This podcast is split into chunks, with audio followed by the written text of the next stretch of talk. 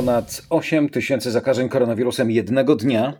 Tego jeszcze nie było, dlatego 11 miast wojewódzkich trafia do czerwonej strefy.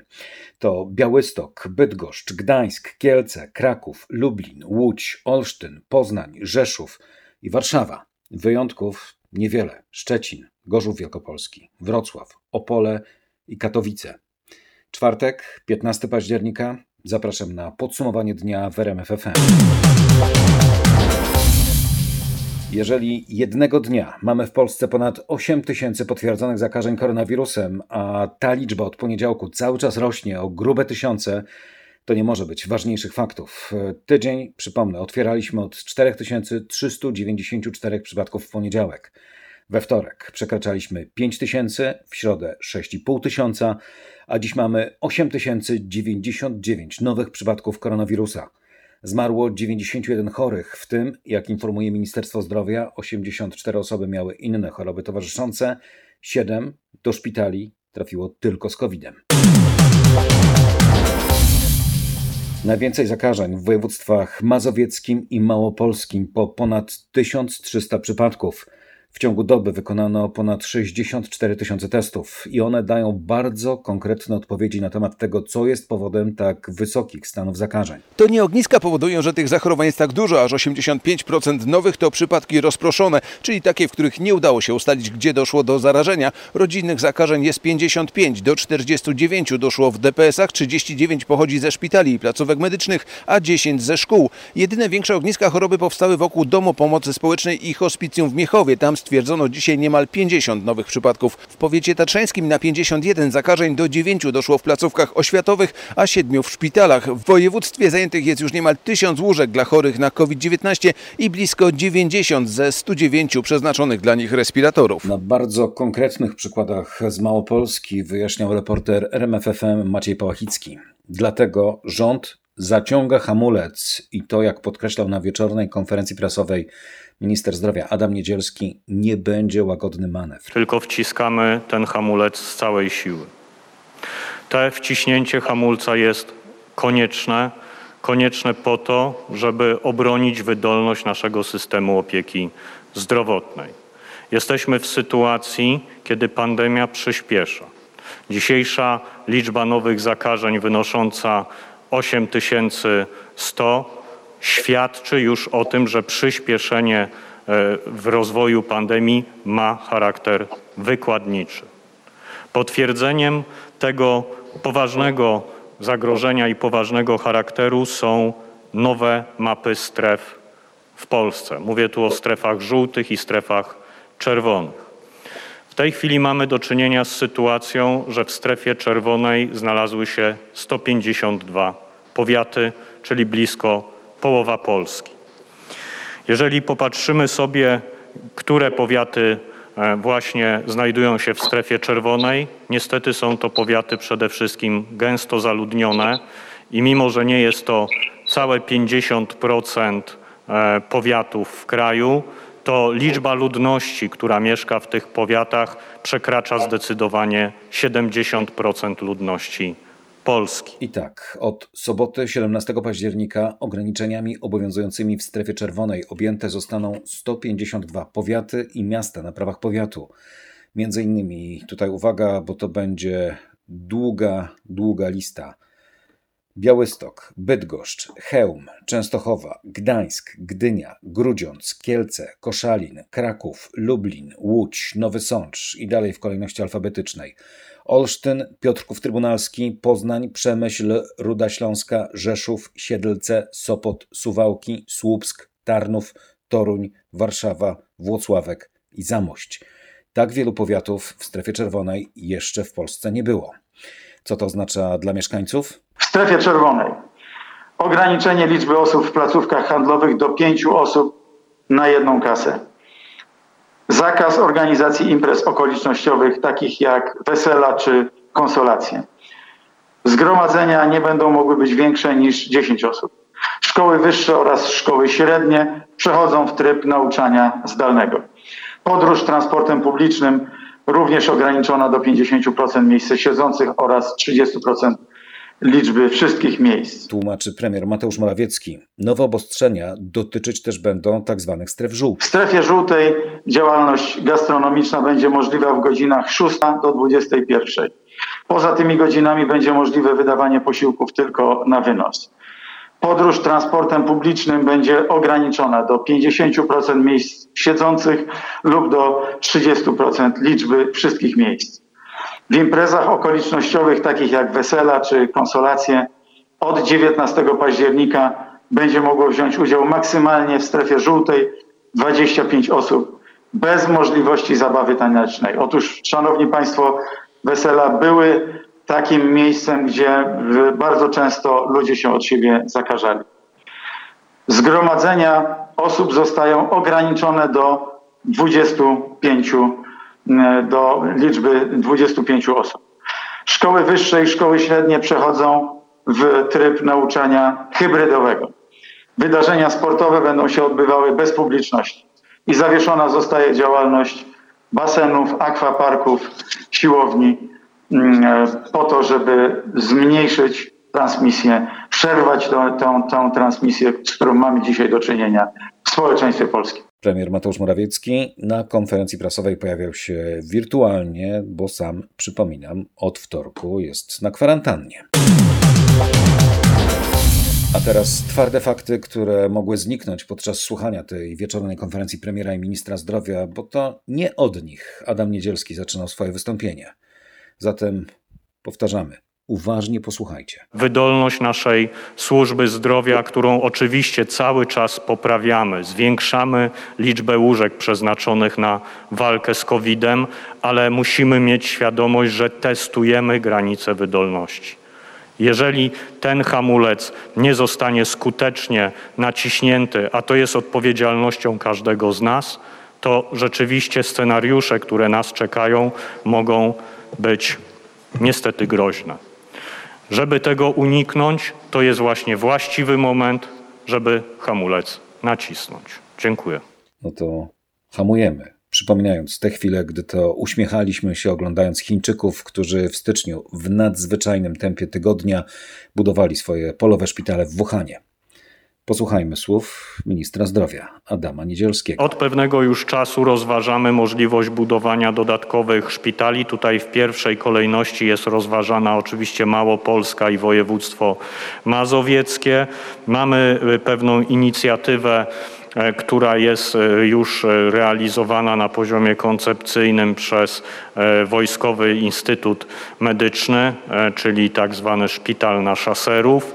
E, i tam e, rozważane jest właśnie e, zagadnienie budowy szpitala tak zwanego modułowego. Niezależnie od tego będziemy chcieli również z panem ministrem obrony narodowej przeanalizować możliwość budowania czy powoływania przy szpitalach wojskowych tak zwanych szpitali polowych. Szpitali polowych, które będą mogły poszerzyć ofertę przede wszystkim w zakresie intensywnej terapii, bo w najczarniejszych, najgorszych scenariuszach to będzie najważniejszy element, z którym będziemy musieli się zmierzyć.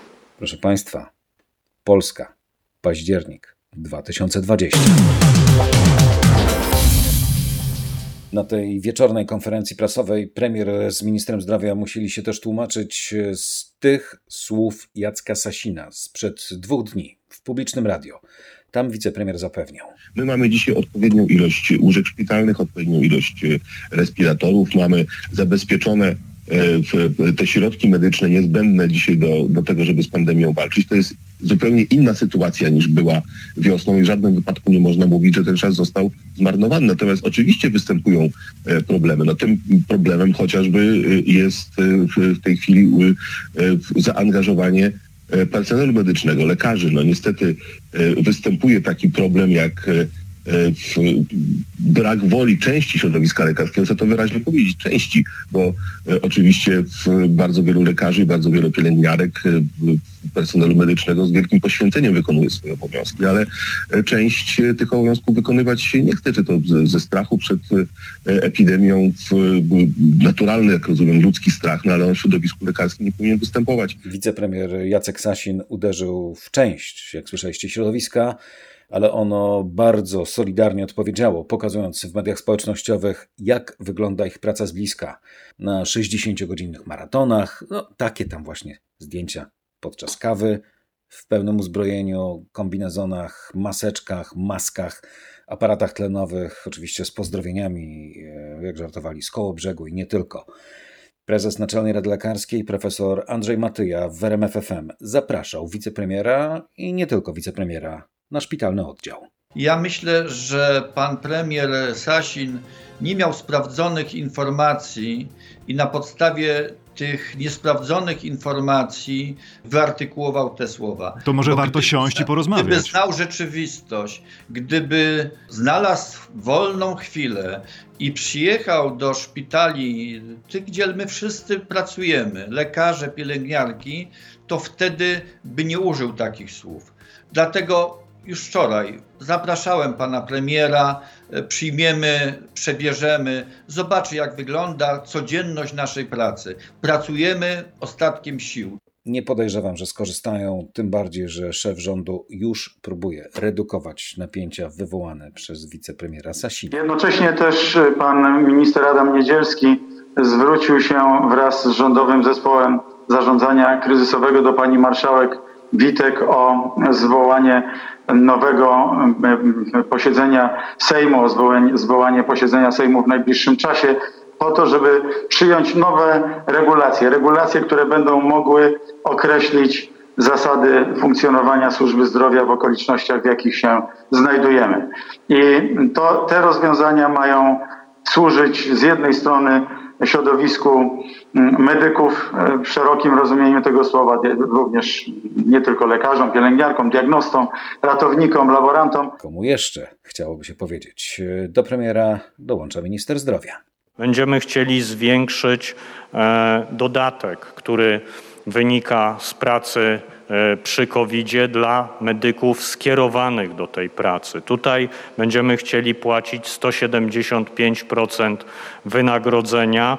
Również wszyscy medycy, którzy z powodu właśnie walki z COVID-em będą narażeni na konieczność odbycia izolacji, kwarantanny, będą mieli refinansowanie e, wynagrodzenia nie na standardowych e, zasadach dla zwolnień lekarskich, tylko będą mieli pełną płatność e, za takie, e, za takie sytuacje kwarantannowe, izo, izolacyjne. Adam Niedzielski zapowiada też tak zwaną klauzulę Samarytanina. Jak tłumaczył minister zdrowia, w okresie epidemii nieumyślnie popełniane błędy lekarskie nie będą karane. E, będziemy chcieli przedłożyć projekt. Projekt e, rozwiązania legislacyjnego, które właśnie ma e, nie być jedynie wsparciem dla dobrego słowa dla medyków, ale zaoferować takie rozwiązania, które poprawią ich sytuację i przede wszystkim zdejmą pewne ryzyka związane z walką z COVID-em, w którą zaangażowani będą nie tylko specjaliści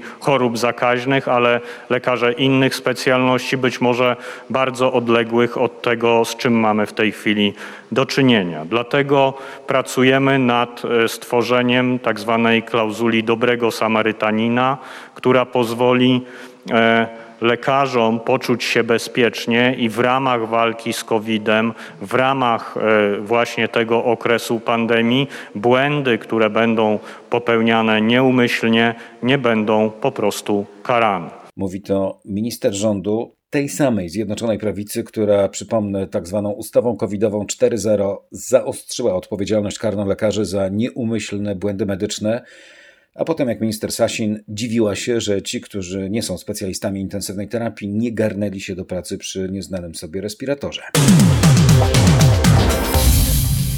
No to teraz y, przykłady tego, jak funkcjonuje służba zdrowia w czasie pandemii.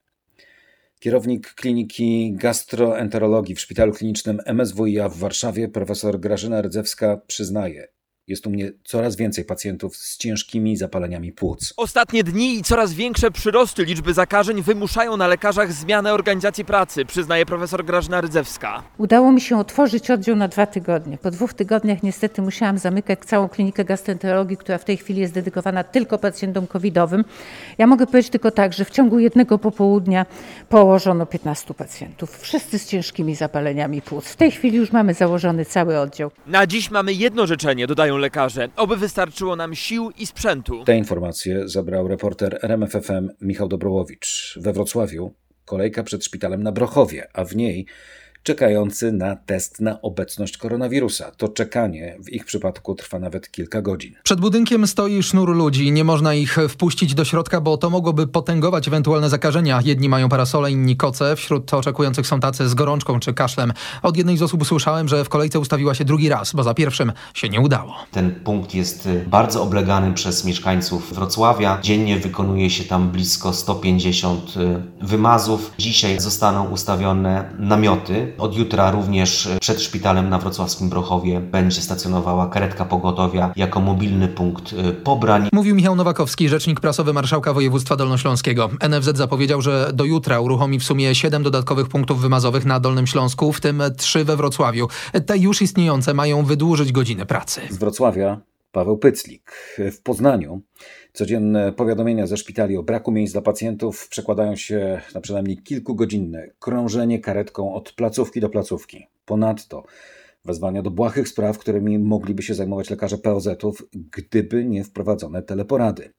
Do tego brak miejsc do dekontaminacji, czyli konieczność ciągłego przebywania w szczelnych kombinezonach, a to tylko część z listy problemów, z jakimi zmagają się od marca ratownicy medyczni, którzy odwieszają swój protest. Jak mówią, nie chodzi im o pieniądze, ale o zwrócenie uwagi na to, że w tym kształcie system ratownictwa medycznego w kraju jest niewydolny. To, że ratownictwo medyczne w tej chwili jeszcze funkcjonuje, to tak naprawdę jest dobra wola ludzi. I w ostatnim czasie mieliśmy wypowiedzi z przedstawicieli rządu, gdzie oczekiwano większego zaangażowania od medyków, gdzie no, ratownicy medyczni przyjęli to bardzo osobiście. Są wyjazdy, które trwają po 12 godzin. Dlaczego tak? Skąd to się bierze? Potrafią po kilkanaście godzin krążyć z pacjentem i szukać miejsca, w którym będą mogli tego pacjenta zostawić. No oczywiście to wszystko się odbywa w kombinezonach, w maskach pełnotwarzowych. Ja już tu pomijam ważne kwestie takie jak fizjologia, tak? Przecież ten pacjent to jest człowiek, który też potrzebuje coś zjeść, wypić, załatwić sobie potrzeby fizjologiczne. No ambulans nie jest do tego przystosowany.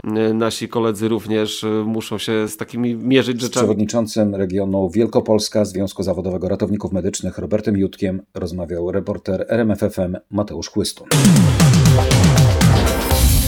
No to teraz e, polityk Stanisław Karczewski, senator Prawa i Sprawiedliwości, ale też lekarz, chirurg, praktyk, który był dziś gościem porannej rozmowy w RMFFM u Roberta Mazurka. Sytuacja naprawdę jest trudna. To wszyscy Ale- widzimy, wiemy.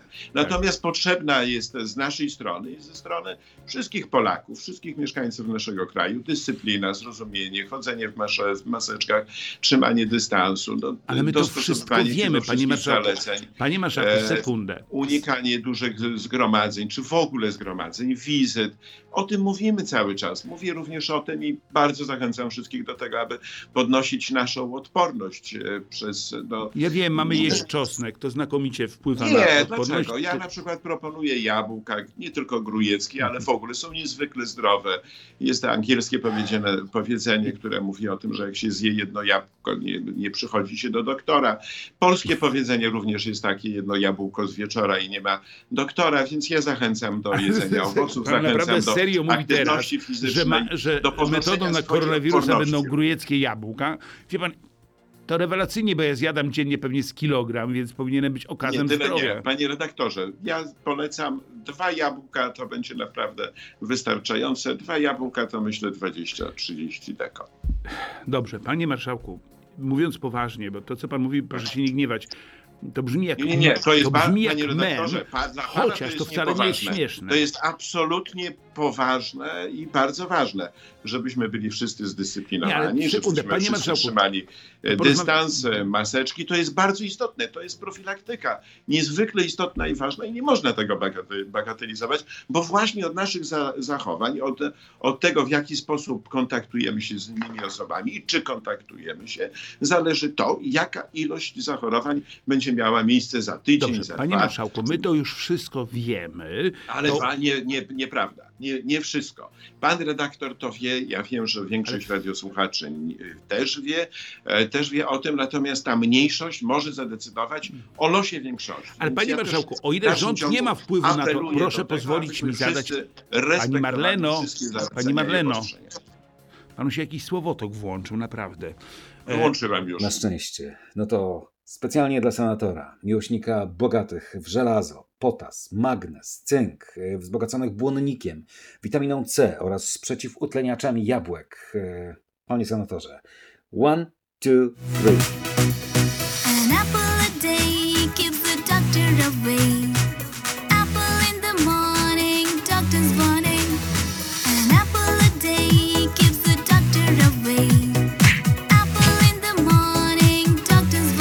Zostawiając temat diety jabłkowej, wróćmy do koronawirusa. Według głównego epidemiologa Szwecji, Andersa Tagnella, w tym kraju nie ma drugiej fali epidemii, choć w ostatniej doby potwierdzono 1075 kolejnych przypadków koronawirusa i to był najwyższy dobowy przyrost od końca czerwca. Tegnell podkreśla, w Szwecji nie występuje masowe rozprzestrzenianie się koronawirusa, choć w wielu krajach sytuacja jest krytyczna. Ten tydzień, według głównego epidemiologa Szwecji, w Europie będzie rekordowy pod względem liczby nowych zakażeń.